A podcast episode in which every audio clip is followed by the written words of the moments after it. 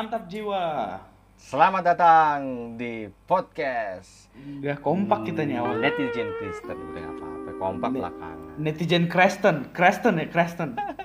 Kita kan Kristen banget gitu. Creston abis kita bro, bro. Jadi kita ini mau ngebahas semua hal-hal Mhm. mengenai Kristen Kristen. Pokoknya semua mengenai Kristenan lah siap. dari bahas tentang pendeta, bahas tentang keuangan Betul. gereja. Waduh, panas. Anda baru bilang itu pantat saya sudah panas, bos. Bahas Ini kursi ini tentang- sudah panas. Aduh, Tuhan. Semoga saya tidak salah bicara. Ngeri kita berdua ngeri ngeri. Aduh, kita bermain di Kita tapi tidak menjadi apa-apa. salah satu podcaster yang mau menghancurkan. enggak, enggak. Waduh. Kita justru enggak, mau enggak. Kita justru mendukung, memberikan masukan positif kayak Betul. gitu.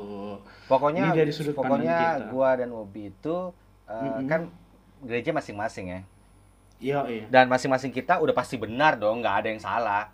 Obi benar Iya. dengan gerejanya, gua benar dengan gereja gua.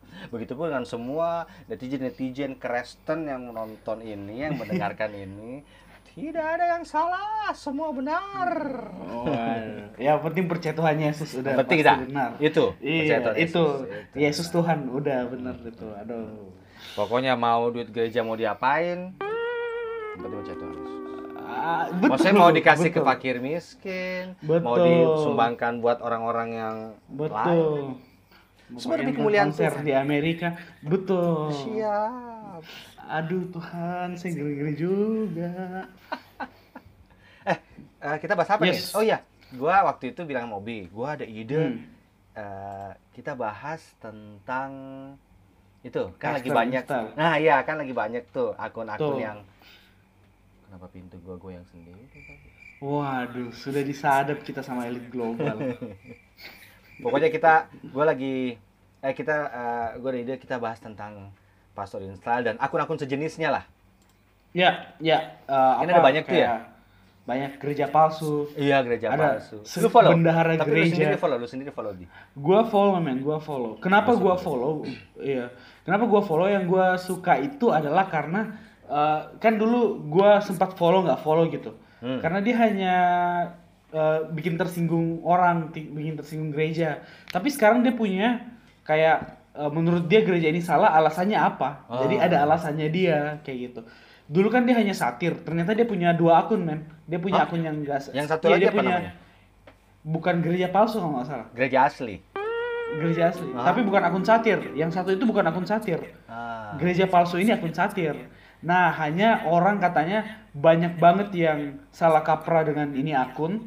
Akhirnya marah kan, dia bilang, oh kalau gitu yang benar gimana? Akhirnya dia beneran taruh yang gak satir gitu. Jadi kadang ada post yang gak satir. Seperti itu. Jadi eh, apa ya? Gua gua rasa justru ini juga bagus supaya membalance apa ya? Membalance jangan sampai eh, pendeta-pendeta itu merasa bahwa mereka udah benar 100% kayak gitu. Benar, gua benar, benar, gua iya. Iya, gi- gimana menurut lu? Kalau lu baik gimana menurut lu? Kalau menurut gua sendiri sih em, apa ya? Ha- ya harus ada yang apa ya? Pihak oposisi gitu ya. Nah, kalau ibaratnya Hmm. Jadi ada yang ber- bukan jadi mem- akun itu membuat orang tuh berpikir lebih kritis. Bukan bikin jadi keimanannya berkurang, Hmm. tapi kayak lebih kritis aja gitu sih. Maksudnya Betul. eh, Hanya akun, memang akun itu muncul eh, Iya. pasti kan karena tidak karena semata-mata muncul gitu doang dong. betul betul. Pasti ada api ada asapnya dong. Kelakuan-kelakuan Betul. orang yang aneh-aneh, kelakuan-kelakuan Benar benar benar. Kristen-Kristen yang luar biasa sampai mau bersuara tapi ya gimana gitu mau bersuara tapi ntar dibilangnya, "Wah, lu kok nggak ikut ajaran kita? Lu lu nggak percaya Tuhan Yesus?" Ya bukannya nggak percaya, tapi ini kayaknya ada yang salah nih.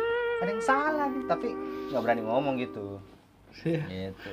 Oh masalahnya yang komen para netizen itu sebenarnya mereka yang memulai banyak kekacauan. Iya. mereka nggak lihat nggak lihat maksud kadang nggak lihat maksud dari tujuan di Iya. postnya kayak gitu. Iya, Iya, itu yang gue lihat gila. Tahu-tahu Heeh. orang-orang merasa jadi tersinggung, jadi marah maksudnya. Kalau Marah. emang lu merasa nggak ada yang salah dengan lu, gue juga eh, salah satu pastor install kan orang-orang tuh ngerasa kayak eh, pastor-pastor tuh semua pada hidup mewah.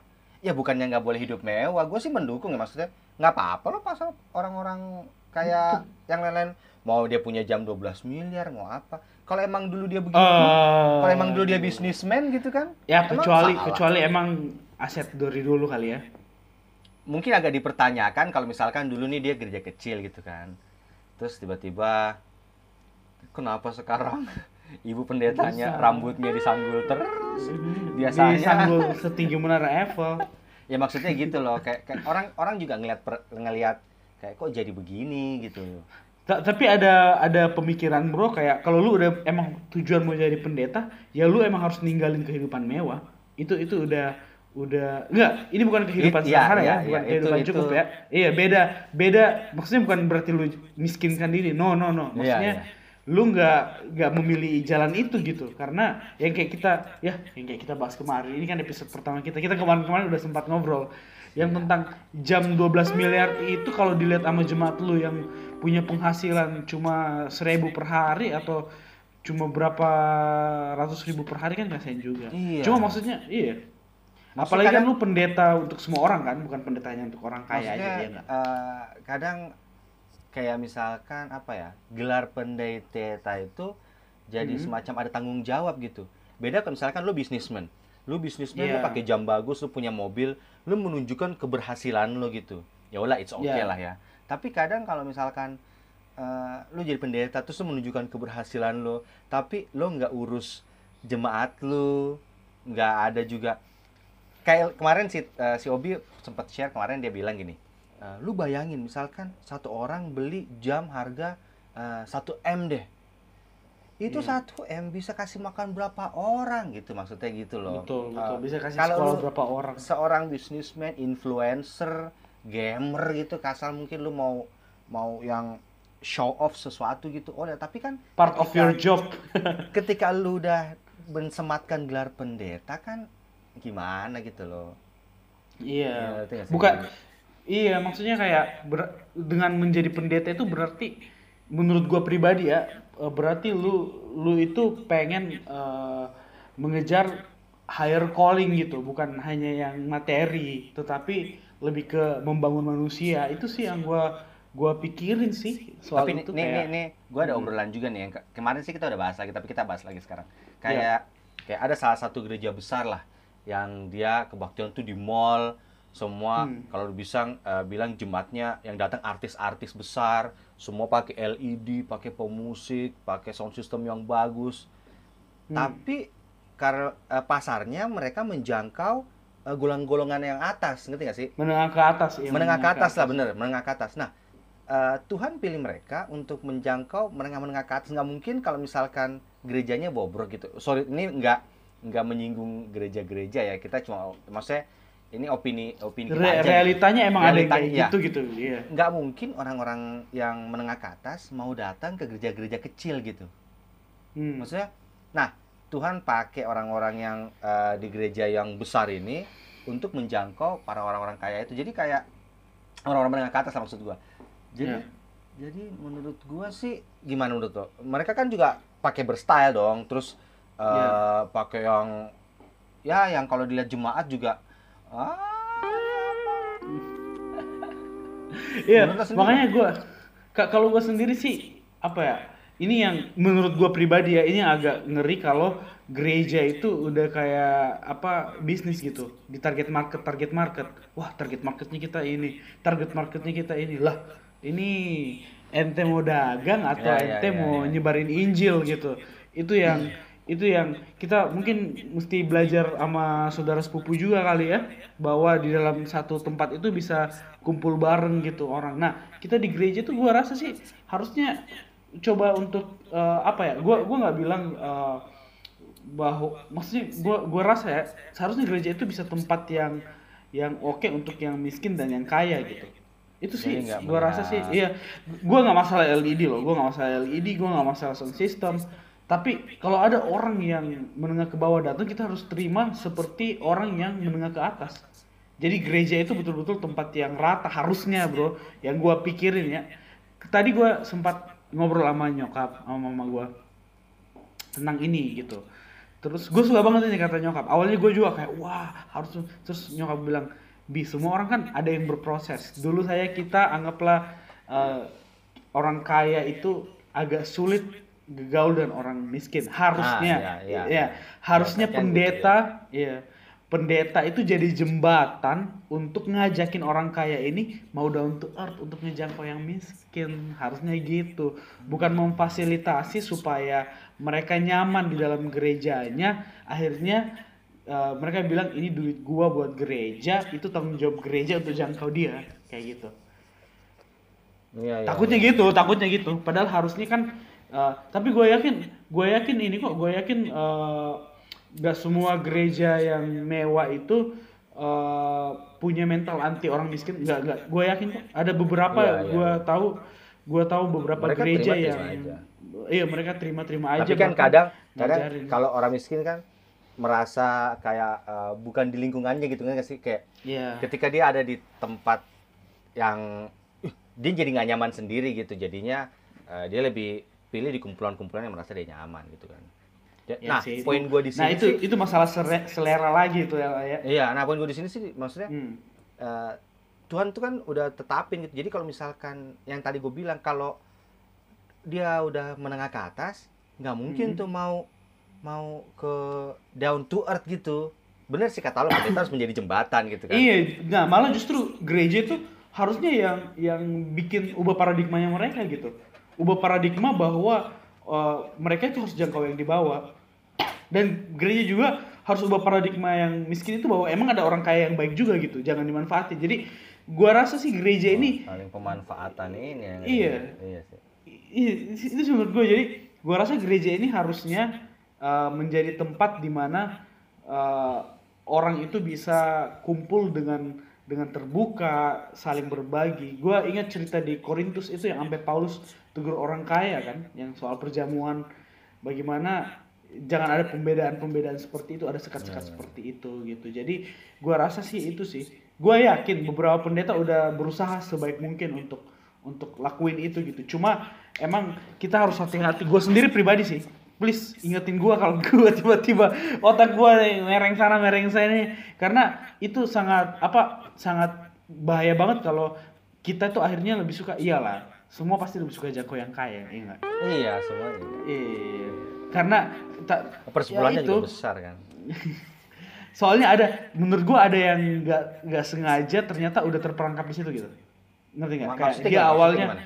dia awalnya berniat baik untuk melayani gitu tidak ada niatan seperti itu tapi habis itu terperangkap karena kebanyakan jemaatnya seperti ini kebanyakan jemaat pola pikirnya seperti ini akhirnya pendetanya terperangkap di di keadaan jemaat gitu ah. Ya jadi akhirnya kayak "Eh, iya gereja gua banyak orang kayanya gitu. Ah kita bagaimana bikin nyaman gitu. Jadi Orang visinya kaya. berubah gitu. ya?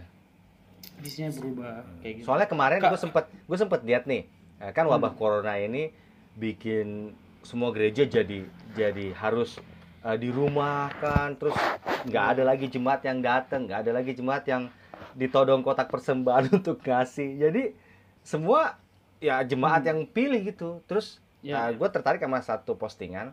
Jadi gue nggak sebut gerejanya ya. Nah di postingan itu dia bilang eh, eh, gereja eh, ininya bilang eh, gembalanya gembala apa pendetanya bilang eh, jemaat-jemaat ini sekarang tidak taat karena mereka tidak kasih persembahan, tidak beriman ya tidak beriman, tidak mendukung itu itu gereja, itu tidak kayaknya mendukung gereja, gua tidak mendukung gerejanya. Pokoknya gitu. Nah, yang gue Hmm. sayangkan gini nih, mereka tuh ada poin-poin eh, gereja tidak eh, jemaat tidak patuh sama Tuhan, bla bla, eh, tidak mendukung pelayanan gereja. Terus eh, yang gereja lakukan bla bla bla. Yang sayangnya peningkatan jemaat iman jemaat itu kalau nggak salah ada di poin 3 Mm-mm. Maksudnya, lu kan sebagai tugas gereja harusnya peningkatan iman jemaat itu ada di poin satu gitu loh. betul Ketika betul. lo sudah membangun membangun eh, apa namanya pondasi kuat untuk untuk Hmm. jemaat untuk domba-domba lu, pasti dia Iya. nggak akan lupa sama gereja. Dia pasti akan itu udah itu udah jadi kayak eh, otomatis gitu loh. Hmm. Jadi kayak misalkan kayak nggak perlu disuruh-suruh nggak perlu lagi gitu disuruh-suruh lagi karena emang eh, ya. tapi di, man gua di- rasa di gereja Iya. lo visi visi awalnya untuk membangun keimanan Hmm. bukan gua rasa untuk peras Per- iya sih bukan untuk ngambil duit jemaat tapi gua Iya, rasa kan? gua rasa sih jemaat berkurang persembahannya bukan karena imannya kurang men emang pemasukan lagi susah men akhir-akhir ini bro ya, ya. di sini sih lagi corona ini gereja benar-benar di di ditempa Iya, banget sih ya ditempa ditempa ini banget. ibaratnya tau nggak zaman yang zaman mus zaman eh, Yusuf dulu ya tujuh tahun kelimpahan dan Kelaparan. tujuh tahun Kelaparan. kelaparan dan benar-benar sekarang tuh gereja di di tempat gimana pengelolaan keuangannya gimana eh, apa ya namanya pengorganisasiannya lah itu betul betul situ. itu itu Gua itu yang sangat- akan re- redefine itu harus diredefinisi Ya, gue sangat menyayangkan kayak banyak. Gue juga sebenarnya Hmm. say- eh, menyayangkan banyak-banyak jemaat yang jadinya kayak jemaat kalau lu bilang tuh kayak Kristen kapal selam gitu, ya yang datang cuma maksudnya kalau misalkan lu dis- eh, tertanam lu terberkati suatu gereja ya lo dukung lah. Maksudnya bukan sebagai betul, kayak betul. terlepas dari duit lo mau dibawa itu pendeta mau dibawa ke mana ya, tapi siapa lagi yang mau dukung pelayanannya kalau bukan Iya. Mm, Pendeta juga kasih yang maksudnya di sisi lain ya, pendeta juga kasihan karena kan dia dia eh, sebagai pengajar penguat imannya kita waktu kita lagi lemah, giliran mereka yang lemah kayaknya ditinggalin ada beberapa yang seperti itu gitu. Ya, itu kayak paradoks gitu ya itu kayak paradoks kayak, kayak misalkan, banget. kayak, misalkan dia udah ya, kayak masa-masa kelimpahan dulu deh dia udah kayak jemaat Iya. udah kasih kasih kasih kasih tapi dia lihat kok gembala eh, gembala atau pendeta gua ganti-ganti mobil setiap hari Ah. atau atau gimana gitu jadinya muncul kayak gimana gitu ya ngerti gak sih lo maksud Iya, gua iya sih, ngerti ngerti maksud. jadinya apa yang ada wabah sekarang ya ya gua bukannya gimana tapi kenyataan yang terjadi Ta- tapi emang ada pendeta yang masih ganti mobil. Ya nggak ada sih Waktu itu lagi wabah. gua aja. Ini Oh. Eh, sebelum kan sebelum wabah ceritanya sebelum. Oh, sebelum apa? Iya sih. ini pendeta apa- yang di sono yang jauh gitu, yang Jauh. jelek banget. Bukan gereja bukan gereja gua udah udah pasti gereja kita pendetanya mempedulikan iman jemaatnya. Saya Aku suka. tidak berani. Saya Aduh, suka Aku gereja saya. bingung. Aduh Tuhan ampuni doaku. Itu apa ketawaku. Ya, i- gini bro, apa kalau eh, iya sih gua rasa kayak kembali ke ke pertumbuhan iman jemaat ya. Kayaknya Hmm. gue justru merasa ini adalah momen di mana kita pendeta itu harusnya nge-push jemaat untuk bisa bertumbuh sendiri di rumahnya gitu. Karena gua ini ini cuma menurut gua aja ya. Menurut gua ke depan itu eh, kesusahan itu akan kan dunia semakin hari semakin susah. Gila 2020 aja kayak gini nih gitu. Hmm. 2021 nggak tahu gimana. Kalau kita nggak bisa berdiri dengan iman yang benar, aduh men. Kalau kita hanya berharap pendeta, aduh Iya. kayaknya kayaknya gua rasa tujuan Tuhan bukan itu gitu. Dan harusnya pendeta itu atau kita sendiri eh, push diri kita gitu. Kayak kayak kayak kayak contoh di tempat gua aja ada yang eh, dia merindukan ibadah di gereja. Menurut gue itu nggak apa-apa. Itu Iya, itu iya. emang kita kita senang bersekutu. Cuma kayaknya somehow beberapa itu miss the point gitu untuk apa yang Tuhan mau bilang. Miss, miss aja. point-nya gimana? Kar- i- miss the point kayak menurut gue Tuhan itu mau justru leader di dalam keluarga, Ah, bapaknya jadi, mungkin. Eh, itu yang mengayomi anak-anaknya. sendiri itu ya. Inti Iya, sendiri itu ya, keluarga family, itu. keluarga itu diperkuat. Jadi apa, kalau misalkan ayah-ayah. kalau dari perkataan lo sudut pandang kita lihat secara positif untuk corona ini ibaratnya gereja awal-awal tuh kayak sumbernya tuh mulai dimurnikan dibentuk lagi sama Tuhan. untuk gitu kan. kembali. Karena gua rasa kalau nanti family udah kuat, kita kembali ke gereja mula-mula, itu dia impactnya besar men, gila. Pendeta nggak usah pusing pikirin eh, iman jemaat, pendeta s- langsung mikirin jangkau jiwa, udah gitu. Tapi yang gue sayangkan satu juga kayak itu kan harusnya tugas gereja membangun iman jemaat. Jadi Iya. jemaat tuh eh, bergantung kepada Tuhan Yesus gitu kan. Nah, betul tapi betul. banyak betul. gereja tuh kayak jadinya kayak eh, ladang ini, ladang ganja gitu. Jadi membuat orang jadi bergantung. Bergantung sama gerejanya. Cuma bukan sama mereka tuh nggak cari Tuhan Yesus lagi, jemaat nggak diajarin, lu kesusahan, lu berdoa sama Tuhan. Tapi lu kesusahan, lu panggil Hmm. pendeta. Iya sih. Tapi tapi ada Eh, ada ada tapi sih tapi si Malakama juga bro soalnya Iya, iya, benar-benar ada si beberapa Malakama. orang yang butuh bantuan ada yang butuh bantuan juga secara komunitas Soalnya- bro soalnya Itu- itu, gue juga iya. pernah oh ya gue juga jadi ingat sendiri kayak orang misalkan eh, olahraga lah Iya.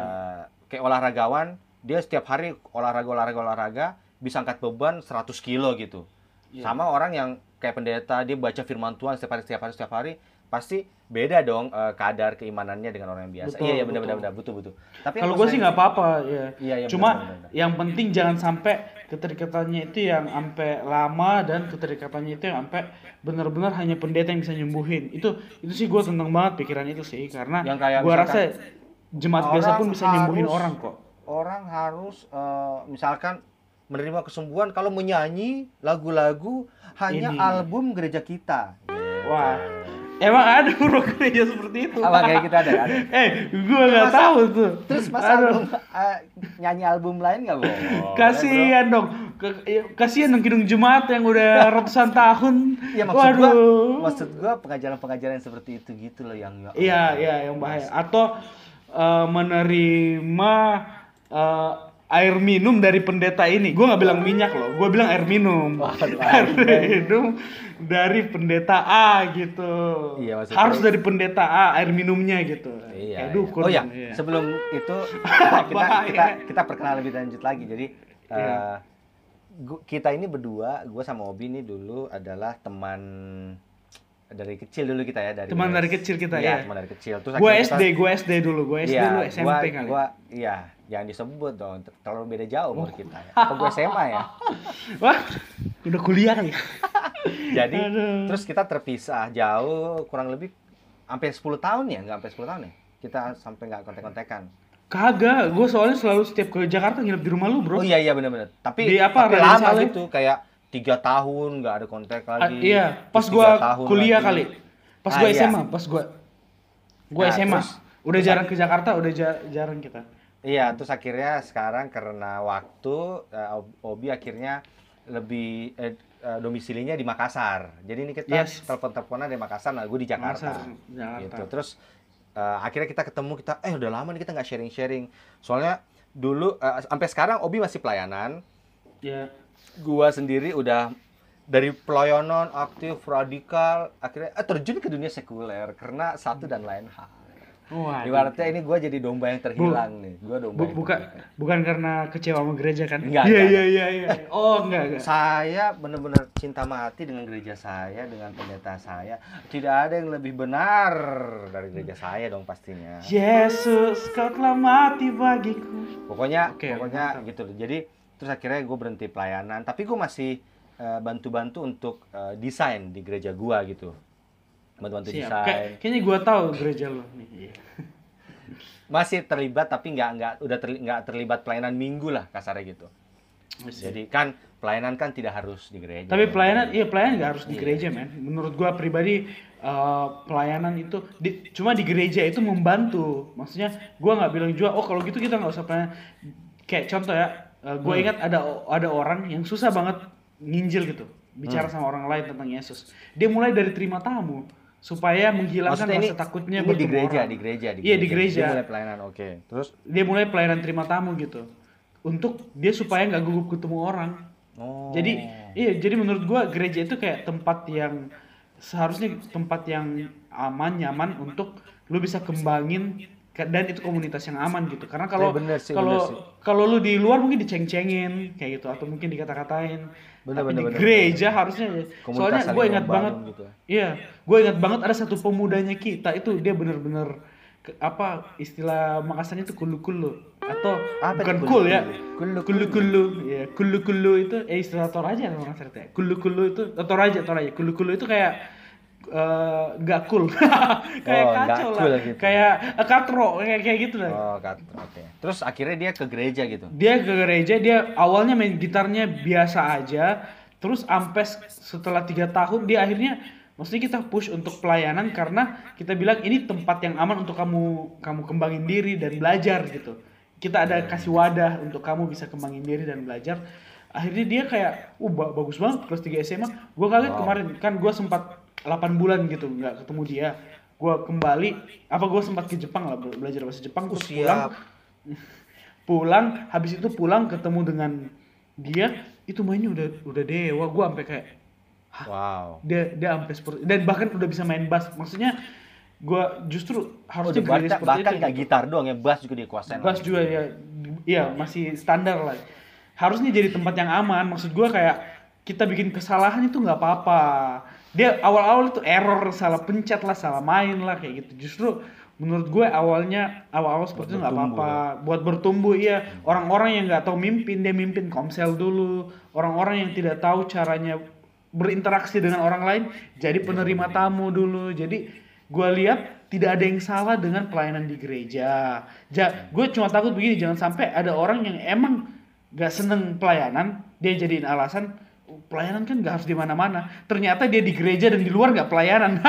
Sama-sama dua-duanya dia nggak ngelakuin apa-apa. Iya, itu kan Cuman pembenaran masalah. iya cuma pembenaran diri. Itu juga itu juga bahaya gitu. Iya, iya, iya. cuma emang eh, orang yang nggak pelayan di gereja tapi dia sehari harinya semangat juga ya jangan merasa terkonflik bahwa saya harus pelayanan di gereja tidak tidak harus. Hmm. seperti itu. Jadi jadi itu aja sih. Cuma diuntungkannya orang pelayanan di gereja yaitu lu harusnya ya lu bikin kesalahan itu nggak apa-apa.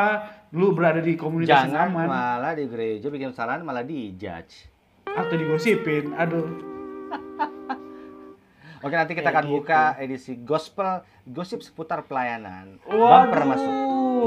Ini gosip positif bro ya. Ini bukan untuk yang mendengar ya ini bukan kayak lambe tura ya kita bukan kayak hmm, pendeta ini. Edan lambe tura. Enggak, Enggak enggak enggak. Enggak lah. Kita juga Itu manusia udah- berdosa Udah, udah, banyak akun-akun yang bikin kayak gitu. Kita udah jangan. Lambe, jangan ada nggak ya lambe lambe Kristen nggak ada ya? Iya lambe Kristen. Ini ini lambe Kristen. Waduh Tuhan. Netizen Kristen ini adalah lambe. Iya. Eh, janganlah, masa kita mau brand diri kita jadi lambe? Aduh. Enggak, enggak, enggak. Eh, cuma balik lagi ke apa? eh, balik lagi ke itu kayak corona ini bagus gitu nyadarkan eh, gereja, menyadarkan orang-orang, nyadarin gue juga sendiri Tapi gitu ya, sebagai sa- pelayan. dasarnya gereja emang keluarga kecil kan. Itu perkumpulan besar itu diadakan sama Raja Romawi ya kalau nggak salah ya. Sebenarnya bro, eh, Nah, kayak ya, contoh, pendeta Obi. eh, kalau Oh iya, menurut gua, Kalau ini Heeh. Obi ini sekarang eh, profesinya apa? Saya bisa tahu. gua magang di Makassar di Oh, mag- boleh sebut Eh? merek gereja atau jangan, jangan? jangan, jangan. Oh, Nanti lain merasa, eh, gereja Anda, gereja saya yang lebih besar. Gitu, jangan. Nah, di satu gereja di, Di satu Makassar. gereja. Di Iya, komo- gua oke. bantu pemudanya, banyak bantu di pemuda di pemuda sama generasi. Oke. Oke, nah terus lanjut dulu pas gere- zaman gereja dulu. Zaman gereja dulu, jadi kayak banyak yang bilang eh, eh, dimulai dari ini kan dimulai dari yang kecil. Eh, menurut gue ya itu it's not the matter of size loh, karena dulu waktu Petrus ber, pertama kali ya pertama kali jemaat orang kumpul itu yang di atas ba- di atas Roh Kudus turun bukan? Penantian Roh Kudus ya penantian Roh Oh, Kudus itu iya. lebih lebih 10 atau 20 orang kali gue lupa yang penting jumlahnya lumayan banyak gitu terus habis itu dibaptisnya lagi berapa ya? 3000 ya kalau nggak salah. Aduh kalau salah malu gue ini Iya. iya. Ya. juga netizen Kristen ya boleh salah boleh juga dong. iya. 3000 kali. Tunggu tunggu. Gue gue lihat di sudah ya nggak bisa lihat ini soalnya lagi ngerekam. Masih Tunggu, tunggu, gua bu, gua, gua buka di, ya pokoknya kayaknya 3000 3000 orang bertobat men. Jadi banyak itu jumlah yang banyak. banyak gitu lah, dalam- iya iya banyak. Hanya khotbah 10-15 menit, Petrus, Roh Kudus tercurah, gila ribuan bertobat. Baru habis itu eh, ada Kristenisasi ya itu ya. bukan. Aduh. eh nan- nanti eh nanti ke depan kita bisa bahas loh kristenisasi itu Iya. maksudnya apa sih nisasi-nisasi itu. Oke, lanjut lagi dan eh, gereja itu ada emang ada gereja rumah yang kecil, ada juga gereja rumah yang besar kayak di Korintus men. Kayak gue Hmm. tadi sempat pencet. Korintus itu lumayan besar karena yang punya rumah itu orang berada gitu, jadi menengah ke atas. Di Kolose Jadi dia juga punya rumah lumayan besar gitu ya. Iya, orang kumpul di rumahnya. Budak-budak budak-budaknya kan juga ikut. Jadi kalau orang mau bilang uh, gereja itu bermula dari kecil atau besar, it's not kecil atau besarnya gitu. Tapi yang gua sendiri uh, berpikir adalah uh, lu aktivasi Roh Kudus nggak di situ. Kayak gitu. Wow. Roh Kudus bergerak nggak di situ. Terus habis itu yang kedua uh, dan bentuk Roh Kudus bergerak itu maksud gua kayak lu bener-bener nanya Tuhan apa yang Tuhan mau dan lu lakuin kayak gitu dan kehidupan lu berubah bukan bukan hanya sekedar tanda-tanda Roh Kudusnya loh tapi iya. betul-betul kehidupan lu mengubahkan gitu terus habis itu uh, tadi apa yang pertama itu menurut gua Roh Kudus yang kedua eh, lu bersekutu saling respect dan menginjil. Itu sih. Bersekutu yang respect each other bukan malah saling jatuhin. Sudah respect each other uh, menginjil untuk orang-orang yang belum kenal Yesus. Menurut gua gereja itu sih it's not the matter of size bro. Ada gereja yang kecil gagal ada gereja yang besar juga gagal. Jadi Iya, iya. gua sih gua sih patokannya bukan itu ya. Patokannya bukan patokannya bukan uh, jumlah patokannya juga bukan banyaknya atau sedikitnya orang. Takutnya takutnya ada beberapa yang merasa bahwa sedikit itu lebih baik. Ya memang lebih baik dalam komun apa uh, ber apa istilahnya? Lebih baik dalam berdiskusi. Komunikasi iya berdiskusi. Cuma eh, kalau yang besar juga tapi tetap dalam kayak gue suka tuh JPCC dalam date-nya dia. Dalam kumpulan-kumpulan seperti itu iya. Berkati sama musuh-musuh. Saya suka JPCC. Bukan gereja saya, saya suka eh nggak boleh sebut merek ya baru ingat ya Gak apa-apa. JPCC kan bagus. Semua orang nyanyiin lagu mereka. Udah Amin. dinyanyi- udah dinyanyiin tapi ah gereja apa itu? Gereja. tapi dicanyiin aku- gereja. Eh, aku mau komen tapi aduh jangan Diam, uh. Tuhan diam saya nah maksud gua kayak kayak jadi it's not the matter kayak contoh yang JPCC ya menurut gua komunitas kecilnya itu jalan gitu dan orang bertumbuh Eh, ada gereja yang kecil maksudnya di kampung gua dari Toraja gereja di kampung nggak ada komunitasnya cuma datang seminggu sekali ya gagal juga lah itu jadi Iya. iya menurut gua it's not the matter of size gitu kecil Tapi- atau besar Gue jadi ingat yang lu bilang tadi kan masalah orang banyak berkumpul ada roh kudus di dalamnya. Kalau menurut gua emang Hmm. benar dan eh, firman Tuhan juga bilang kan satu dan tiga orang berkumpul pasti Tuhan Ya. Yesus ada kan di situ kan. Nah masalahnya Tuhan Yesus kan udah ada di di mereka nih. Mereka udah berkumpul memuji Tuhan nyembah semua kemuliaan Tuhan ada di situ.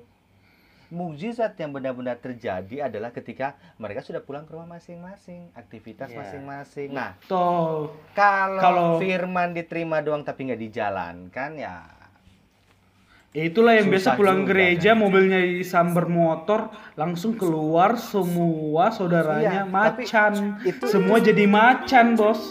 Itu semua salah jadi ada- biskuat. Ada- padahal baru selesai gereja. Baru selesai gereja. disalip mobil. Disalip mobil langsung jadi biskuat mereka bos. Tapi itu yang gue bilang loh kayak eh, salah satu yang menimbulkan kecemburuan kadang ya. Kadang kita merasa kayak tiap hari kita persekutuan tiap hari yuk Oke lu persekutuan tiap hari tapi ketika lu pulang dan aktivitas masing-masing dan kehidupan lo itu tidak menunjukkan iman Kristen hanya menunjukkan pada saat ketika lu datang setiap Di- hari iya. di di persekutuan lo sedangkan di gereja yang lain mungkin dia seminggu sekali datang tapi dia Hmm. benar-benar tangkap benih yang dia dapat di persekutuannya terus diaplikasikan selama tujuh hari di kehidupannya dia ya beda dong dengan yang tiap hari datang yang cuman datang-datang doang tapi ngerti nggak maksud gua? Iya iya.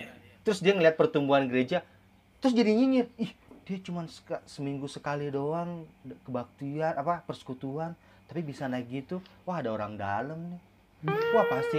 Ngerti nggak sih lo? Jadinya jadi begitu ya iya ma- makanya emang kita kita nggak ada kita nggak ada hak untuk ngejudge uh, tingkat imannya orang. Iya Cuma- betul itu iya. loh karena juga Cuma kayak memang- misalkan memang lu pun apa- ada di, misalkan lu ngeliat Mhm. eh, oh, gereja lain lebih naik gitu kenapa kita nggak ada dengan sikap oh iya Tuhan sekarang percayakan dia kayak gitu ya udah berarti gue dipercayakan untuk Mhm. eh, domba-domba yang segini atau domba-domba yang sekarang Betul. masih mungkin gerejanya cuma lima orang tiap datang lima orang itu juga tapi lu nggak tahu mungkin dari lima orang ini mungkin mereka udah siap mau bunuh diri karena hopeless tapi Ya, karena lu betul. hanya terfokus sama gereja yang lebih besar lu mengabaikan apa yang Tuhan percayakan sama lo yang kecil ini jadinya kan Yes, yes, yes, yes, yes. Iya nggak sih, bro? Betul, betul, betul. Itu sih ke- kembali ke fokus hati dan fokus pelayanan. Iya. Roh Kudus bergerak kembali kembali ke situ sih, men. dia cuma lihat pastor install kan wah ini gereja sebelah nih gue lihat si pendetanya beli Mercedes baru gue lihat baju harganya 200 juta jadinya kan Baju harganya pemasukan gereja gua setahun. jadinya nggak fokus baju sedih iya tapi maksudnya ya udahlah miliki sikap gitu. Kayak ya udah sih Tuhan udah percayakan dia. Terserah misalkan berkatnya itu kayak mau mau di dimainin sama dia ya itu tanggung jawab dia sama Tuhan gitu. Jeleknya itu sih maksudnya Tuhan nggak bisa langsung kayak kayak dulu zaman siapa yang korupsi langsung mati tiba-tiba? Eh, Ananias ya? ah, Ananias Safira ya korupsi uang ini, sayangnya korupsi uang persembahan. sayangnya nggak kayak gitu. Kalau misalkan tiba-tiba lagi di mimbar pendetanya ambruk brak Wah, udah semangat Waduh. Dikasih Atau yang apa? duitnya. Atau yang ngantuk, yang ngantuk kan dengan Paulus khotbah ngantuk langsung oh jalan. iya dari tidur. Paulus masih zaman. Kalau kayak gitu, udah banyak orang yang diangkut keluar dari gereja dalam keadaan mati, bro. Lagi apa? tapi benar kata lu sih ya dengan adanya eh, kayak akun-akun gitu itu lebih nguji Itu nguji sikap iya. hati juga ya dan nguji sikap Betul, hati yang betul, lu bilang betul, tadi ya betul. Cuma emang gue pernah ada satu dilema bro. Ini gue Hmm. dilema pendeta, dilema karena eh, pernah satu kali gue ikut acara nikahan.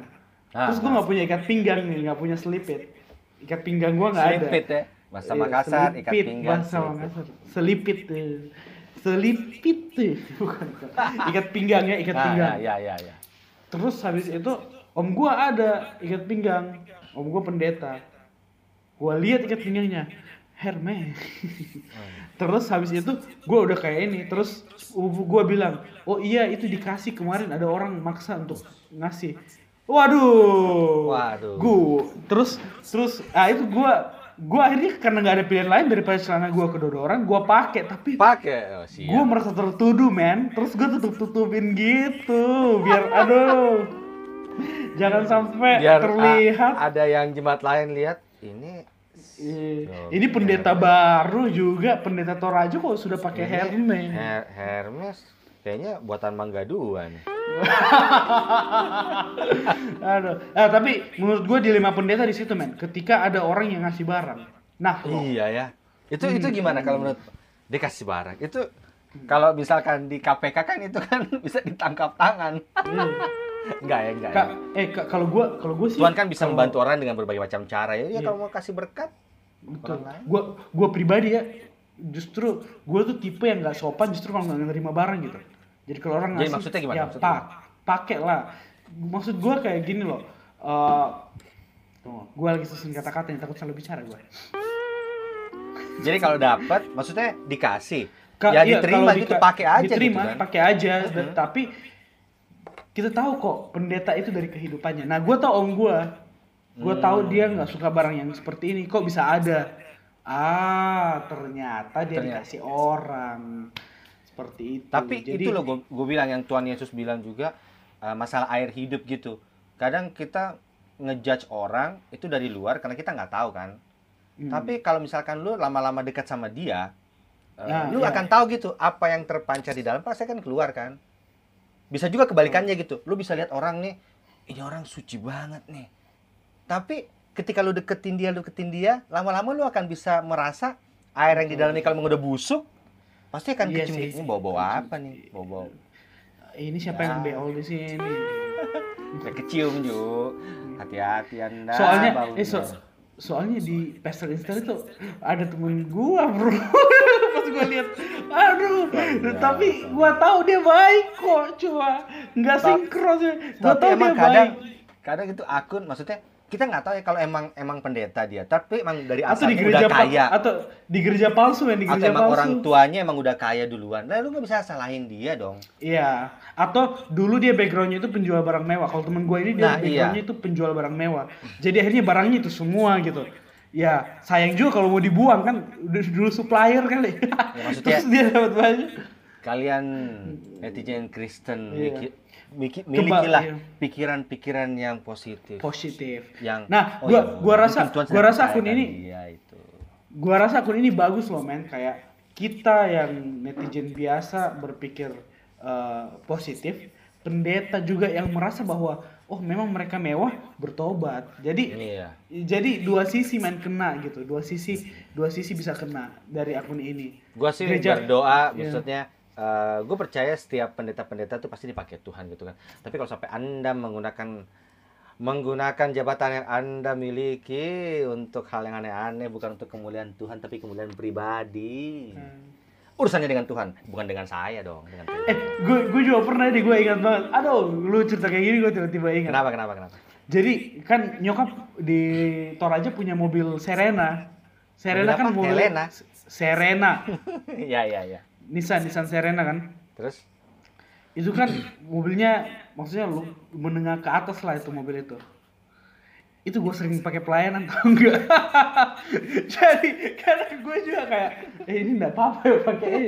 Ih, itu gue jadi biasa, tapi gue mau mobil sendiri gitu kayak kadang kayak. tapi kan "Eh, ini nggak emang apa-apa." emang udah dasarnya udah ada gitu kan ya. Iya, Maksudnya bukan gue yang beli sih, nyokap gitu. Jadi gue kayak pas iya daripada di mobil rusak juga nggak pernah ada yang pakai kan. Terus itu mobil luas, biasa gue pakai jemput ini, jemput anak-anak. Oh. Jalanan jelek lagi gila, mobil kayak Aduh, gitu mobil jadi bagus, mobil jalanan jemput. jelek. Nah, eh, mungkin mungkin kalau itu oke, tapi untuk pendeta yang pakai Rolls Royce downgrade lah bro, itu terlalu mahal sih itu Rolls Royce. Nggak apa-apa. Tuhan sedang Tuhan percayakan brand itu untuk menjangkau pejabat-pejabat eh, yang korupsi kecuali untuk eh, ke- kembali ke jalan Tuhan. Eh kecuali kecuali mungkin jemaatnya ada yang penjual kasih. kayak ya. Iya, Jadi mungkin. Kita pendetanya endorse astaga. Mungkin pendetanya endorse men. Kayak bapak pakai supaya dilihat orang. Tapi kadang gitu ya, Bu. Jadi nyinyir dikit nih ya maksudnya. Eh, kadang pendeta juga kalau buat apa sih pakai sampai yang lu bilang beli Rolls Royce tuh buat apa? Mau dipamer ke Iya jemaat apa gimana gitu loh. Iya sih, iya sih. Apa Iya kayak sih. kayak mungkin mereka berpikir gini. Jemaat Kalau ada pendeta yang diberkati iya. dong. Begitu nggak? Jemaat eh, jemaat gue harus lihat gue Iya. diberkati. Kalau jemaat gue lihat gue cuma pakai motor beat setiap hari, nanti jemaatnya nyinyir. Oh, pendetanya nggak diberkatin, ngapain gue ikut dia? Wah itu Ngerti salah jemaat juga sih menurut gua itu. ya, ya sekarang serba salah Iya. pendeta juga serba salah mau pendeta mobil Xenia deh dari Beat terus dia ganti Xenia jemaat juga ih tadi kemarin Beat sekarang udah Xenia perpuluhan kita kali itu salah juga Wah, Terus pendetanya downgrade naik beca. parah dong Wah, Katanya diberkati. Katanya. Kok jadi tukang beca? Aduh. Aduh. Karena itu itu ya, eh me- me- menurut gua itu Hati, jemaatnya ya. salah juga hati men. Gila Rasul Paulus dulu dilempari batu contohnya. Iya. Gak, Tuhan Yesus dulu gak kaya-kaya amat waktu di dunia. Tuhan lo gak kaya-kaya amat di dunia. Gua harus sadar yang punya surga turun di dunia itu gak kaya-kaya amat dia loh. iya gua nggak kebayang sih dia bisa Yang punya surga bos. punya semuanya Duh. di kambing di di kandang kambing Domba. domba ya ampun. Tidur tanpa tempat untuk meletakkan pindah dari tempat ke tempat nomaden hidupnya. Tuhan Yesus lo gila ya punya surga. Aduh. Nggak maksud gua gua gua cuma mau bilang kayak ayolah kita kita kita kita kembali fokus. Ini juga untuk gua sih ini juga untuk gua sih. Iya, iya, buat gua juga. gua sadar ya gua sadar dalam gue juga gua kadang mikir masih- apa Rolls Royce gue yang sekarang? Kan gue udah punya empat apa. Rolls Royce ah Hot Toys Hot Toys. Gue baru mau bilang yang di lemari kaca itu ya. Rolls Royce yang di lemari kaca itu ya. iya sih jadi jadi jadi kayak gitu sih kalau menurut gue kembali ke hati hati manusia siapa yang tahu. Bahkan jangan sampai juga ada yang eh, sengaja downgrade untuk dilihat bahwa dia tidak sombong. Itu kan kesombongan juga. Gimana? iya karena kesombongan ngaturnya juga susah juga kadang nih ya Hati kadang sombong tuh hati sombong tuh gini nih misalkan eh eh, lo, lo lo lagi jalan gitu terus lo bawa Iya. mobil baru terus tiba-tiba ih mobil baru lo kayak enggak lah ini merendah untuk menyombong Menyombong, iya. jadi back to back to the heart man kembali Iya, back to the hati. heart sih. back to the heart bener karena intinya ya kadang susah juga sih dibilang gim- lu kan nggak bisa lihat hati orang lu kan nggak bisa Iya, lihat iya. eh, tapi yang gue yakin ini apa yang ada dari dalam itu pasti terpancar keluar Pancar keluar. Nah, iya nah, itu yang iya mantap ya mantap Iya ya, sih, Betul, betul. karena Jadi kalau di luar Ro- Rolls Royce berarti Lu- hatinya Rolls Royce tuh. gue pernah pernah eh, ketemu orang yang lu pernah gak sih ketemu orang yang eh, dia sebenarnya pembawaannya baik gitu Hmm. tapi lu tahu kayak lu nggak nyaman sama orang kayak aduh eh ini orang kayak kayak apa ya kayak kayak Kayak nggak tulus gitu, gitu kayak- kayak fake kayak gitu. KW Thailand Super 3.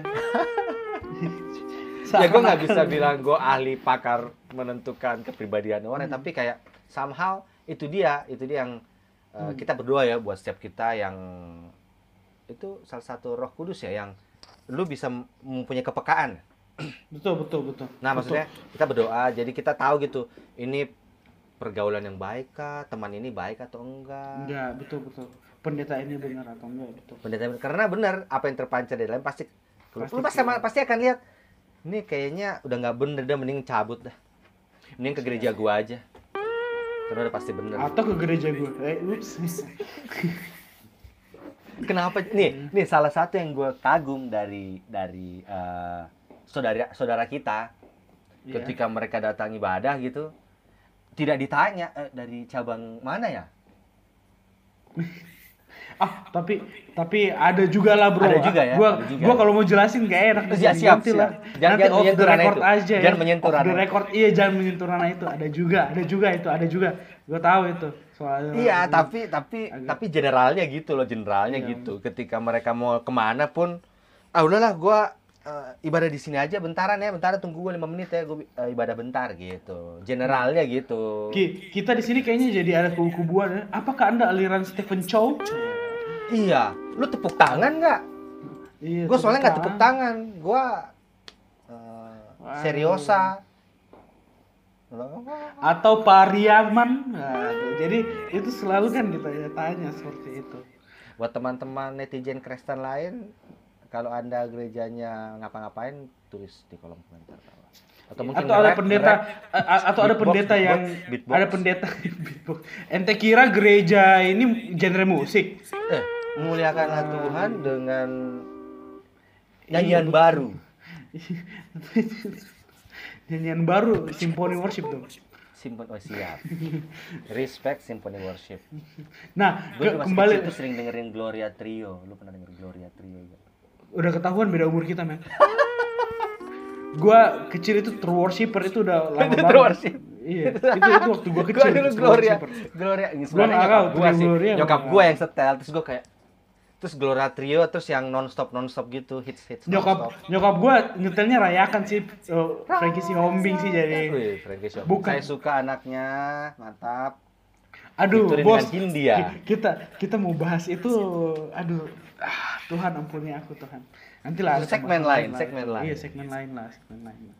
Tapi back back to apa eh, gereja palsu, eh, pastor in style dan segala macam menurut gua gua sih melihat itu tetap it's good untuk membalance supaya hati kita itu jangan jangan jangan jangan kerak lah, jangan jangan sampai mengeras dan jangan sampai eh, jangan sampai kita merasa diri kita paling benar gitu.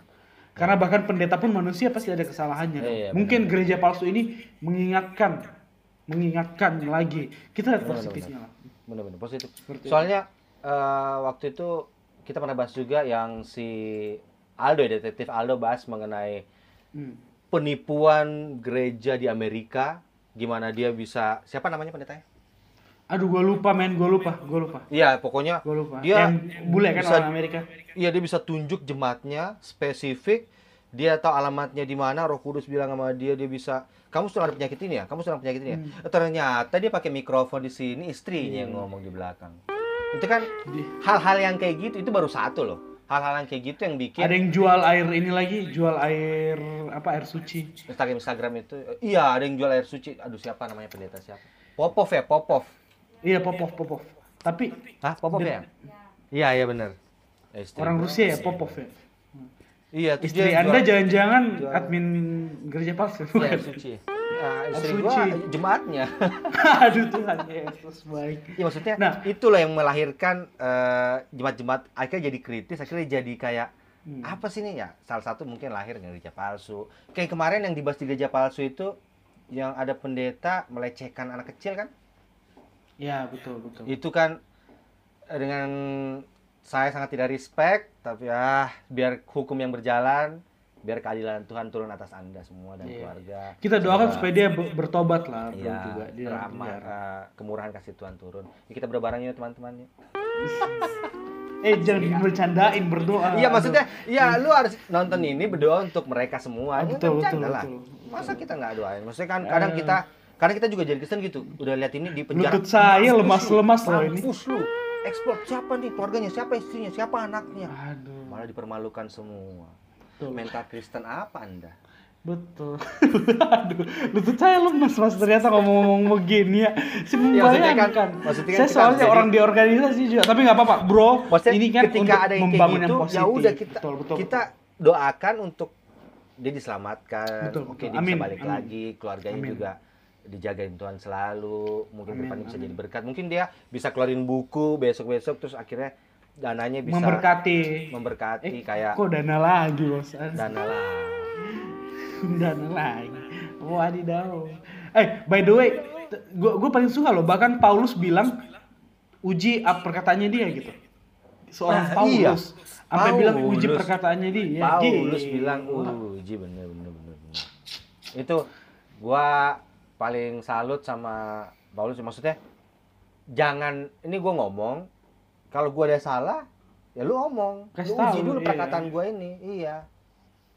Sadis. Gila, sadis. Dan emang karena Paulus emang teruji sih jadi biar kita uji, oh ternyata iya. tidak gua pernah nih ya gue pernah nih ya ketemu eh, dulu di di di jadi gue pas SMA gitu kan kan ada eh, persekutuan eh, Kristen Kristennya gitulah. Iya. terus kita rapat nih meeting dulu masih kecil gua masih nggak tahu apa apa juga terus kakak pembinanya bilang gini pokoknya apa yang saya bilang itu udah pasti benar Wadidaw. kalau ada yang nggak setuju dengan pendapat saya itu di depan ada pintu keluar silakan bisa keluar ya kita Jadi- diam dong ya Oh, kirain lu keluar, men. Ya enggak lah, Lu- gue masih kecil. Iya. Kalau sekarang mungkin gue bisa berdiri, duduk lagi. Terus lu digebukin, bro. Iya, karena itu kan di ruangannya dia. enggak, enggak, Berdiri. stretching doang, stretching, stretching, gitu. Baru mau jalan ke pintu, ke mana anda? Ke toilet, Kak. kabur dari jendela. Kayaknya ini udah bukan gereja nih, kult kayaknya kult. Iya. Eh, boleh lah kita bahas cult juga ini ke depan. Kira-kira banyak, banyak, banyak, banyak, pokoknya stay tune, banyak yang mau kita bahas. banyak yang mau kita bahas. Bongkar semua. pesannya apa gitu? Iya. Padahal kita cuma ngobrol-ngobrol doang kan. iya, ngobrol-ngobrol, ngobrol sampah. ngobrol sampah. Tapi semoga Enggak lah, obrolan kita semoga. ini memberkati. Dan ya. kalau ada pendeta yang dengar, please jangan tersinggung Pak Pendeta. Iya, kita tuh Ini nggak ada yang mau singgung kita nggak ada yang mau siapa-siapa. singgung siapa-siapa. Kita betul-betul. Ini nanti bro bisa taruh watermark waktu nggak bro? Gue takut supaya orang nggak main ceplok-ceplok apa ambil-ambil ceplok-ceplok Ya nggak jelas enggak. gitu. Kalau misalkan toh kita di persekusi atau gimana bilang aja ya semua untuk kita lakuin ini semua untuk kemuliaan Tuhan. Kalaupun Hmm. lo tersinggung berarti ada yang salah dong. Iya sih. Maksudnya eh, intinya tuh kita mau semua kembali rootsnya ke tuh ke ke ke ke keimanan. Maksudnya ke Betul betul. Back to the hati, Bible, back, to the God. Bible. Hmm. Terus eh, kita harus sebagai netizen Kristen tuh miliki hati yang positif lah. Hmm. Maksudnya ketika lu lihat pendeta lo diberkatin, ya udah sih, emang itu mungkin berkatnya Tuhan gitu. Kita kan nggak tahu misteri Tuhan. Betul. Kayak, Atau kalau siapa, kayak siapa tuh pernah lu ini. pernah ada yang nanya masalah cacat ya? Siapa sih? Gue Iya. nggak tahu. Kenapa sih anak ini dilahirkan cacat? Lu tau gak sih kisahnya? Ada ada tahu. Yang Nah, buta kan? iya, Maksudnya iya. Ini salah siapa? Ini salah orang siapa? tuanya atau salahnya dia? Nah, iya maksudnya sama halnya dengan, dengan ya itu kan panjang nih pembahasan Alkitab. Sama halnya dengan sekarang mungkin sekarang pendeta lu dipercayakan untuk untuk berkat yang besar gitu. Ya udah lu jangan jangan miliki hati yang baik gitu, miliki Betul. mental yang kuat gitu, jangan mental yang nyinyir, ngerti gak sih? Ini yang kita Ya. mau bangun begitu. Dan kalau pendeta lu nggak diberkati, jangan nyinyir juga bilang. Nah, jangan nyinyir "Ya, juga. pendeta." Siapa tahu dia juga lagi diuji Tuhan, ente bantu dong pendeta ente. Jangan jangan jangan Aduh. ini loh, pendeta juga manusia, mereka juga butuh support. gila. Gila. Gila, ah, jadi kira pendeta Tuhan. Pokoknya pendeta nggak pernah salah lah. Waduh. Uh, kenapa kenapa terakhirnya gitu? Enggak lah, pendeta juga butuh support dari jemaat, jemaat Iya, butuh support. dari pendeta. Kita orang percaya lah sama orang percaya saling support. Lu bahkan bahkan kayak zamannya Nabi siapa dulu tuh. Jadi kalau misalkan dia salah, lu datang ke depannya, "Hei, kau salah." gitu. Hah, Nabi siapa? Ada Daud ya, Daud. Daud, Daud, Bro. Terus dia kan Oh. udah mau mau bunuh eh habis bunuh ya, terus Nabi itu datang. Oh iya, "Hei, Nathan. lu Nathan. lu lu salah." Nah, lu Kagak dicerita dulu, Nah, dia cerita dulu baru dibilang lu salah. Nah lu kalau pendeta-pendeta lo salah, lu ke depan aja ke mimbar gitu. Weh, hei lu bip bip bip. ente Nggak, yang jangan. diusir dari gereja langsung itu jemaat yang kayak aduh ada anak kecil lagi Kecil lagi. jangan jangan. Ya maksudnya maksudnya ini gitu ya. eh kita boleh dong ke depan bahas sekolah minggu juga bahas Oh iya benar benar. Banyak banyak yang kita bahas. yang kita akan bahas. atau kalau kalian nah kalau kalian juga Podcast mau Kristen. kita kita uh, apa kalau kalian juga pengen kita ngebahas apa boleh tulis di kolom komentar Iya, iya, kita iya, akan iya. bahas dengan pemikirannya kita gitu dengan terus. Ini dong suka-sukanya kita bahas gereja A versus gereja B. Oh jangan ya jangan jangan. Jangan. Di sini Mungkin kita kalau tidak menjatuhkan iya. satu gereja lah. bahas dong gerejanya Pak nah jangan, Jangan jangan. Pak Kecuali emang gerejanya error ya, kecuali kalau emang gereja Iya. Kecuali bahas gereja setan, nah itu gereja setan Nah, error itu. Kayak emang. gereja yang di kemarin kita bahas juga tuh yang gereja di Korea kan itu gereja Iya. Cult itu ternyata ya. itu cult ya bukan gereja. Iya, bukan gereja. Cuma bawa nama gereja. Itulah bro, jadi intinya seperti itulah kita harus punya pikiran yang positif, Betul. pikiran yang saling membangun, kembali ke Kristus dan please cek hati masing-masing lah. Betul, betul. Kita cek Setuju. hatinya kita, pendeta cek hatinya pendeta, orang jemaat pun cek hatinya jemaat gitu. Jemaat nggak selamanya benar, pendeta nggak selamanya benar. Jadi cek hati lah dan rendah hati menerima teguran sih menurut gua. Bener, jarang lah orang-orang yang mau ditegur sekarang. Mm-mm. Sekarang tuh orang ditegur, gue paling benci tau nggak? Gue paling benci semenjak lahir kata-kata baper. Gitu gitu, ah dikit-dikit gitu aja baper lu. Maksudnya ya tersinggung dong gua dong gitu loh. Lu nggak sekarang dengan kata-kata itu kita udah mengikis kata Iya sih, ketersinggungan iya sih. tuh udah. Iya sekarang hilang. misalkan iya, misalkan lu jahat sama teman lo si A apa si B, terus dia tersinggung dong. Ah gitu aja baper. baper lu didorong tabrak mobil wah Ah, gitu. patah oh gitu aja baper lu Wah, itu pecah pala anda itu. anda Kayak gitu. oh atau anda udah teman lama ditipu 200 juta ah bro santai lah ntar gue bagi gitu aja baper Boleh juga tuh besok-besok kita bahas tentang utang. Kenapa Aduh. orang yang berhutang lebih galak daripada gitu aja baper Aduh. Ya, Oke lah, iya sih segini aja ya podcast kita hari ini ya. siap siap Nanti eh, ada saran, kritik, saran semua di kolom komentar bawah. Like, subscribe, dan nyalakan tombol notifikasi. ting tong Iya, kayak gitu kan tombol notifikasi kan ting tong. Ting tong. Oke, Iya. bye bye. Bye bye Sponsor.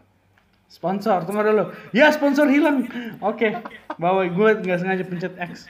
Ada dulu Bye-bye. sponsor. Dadah.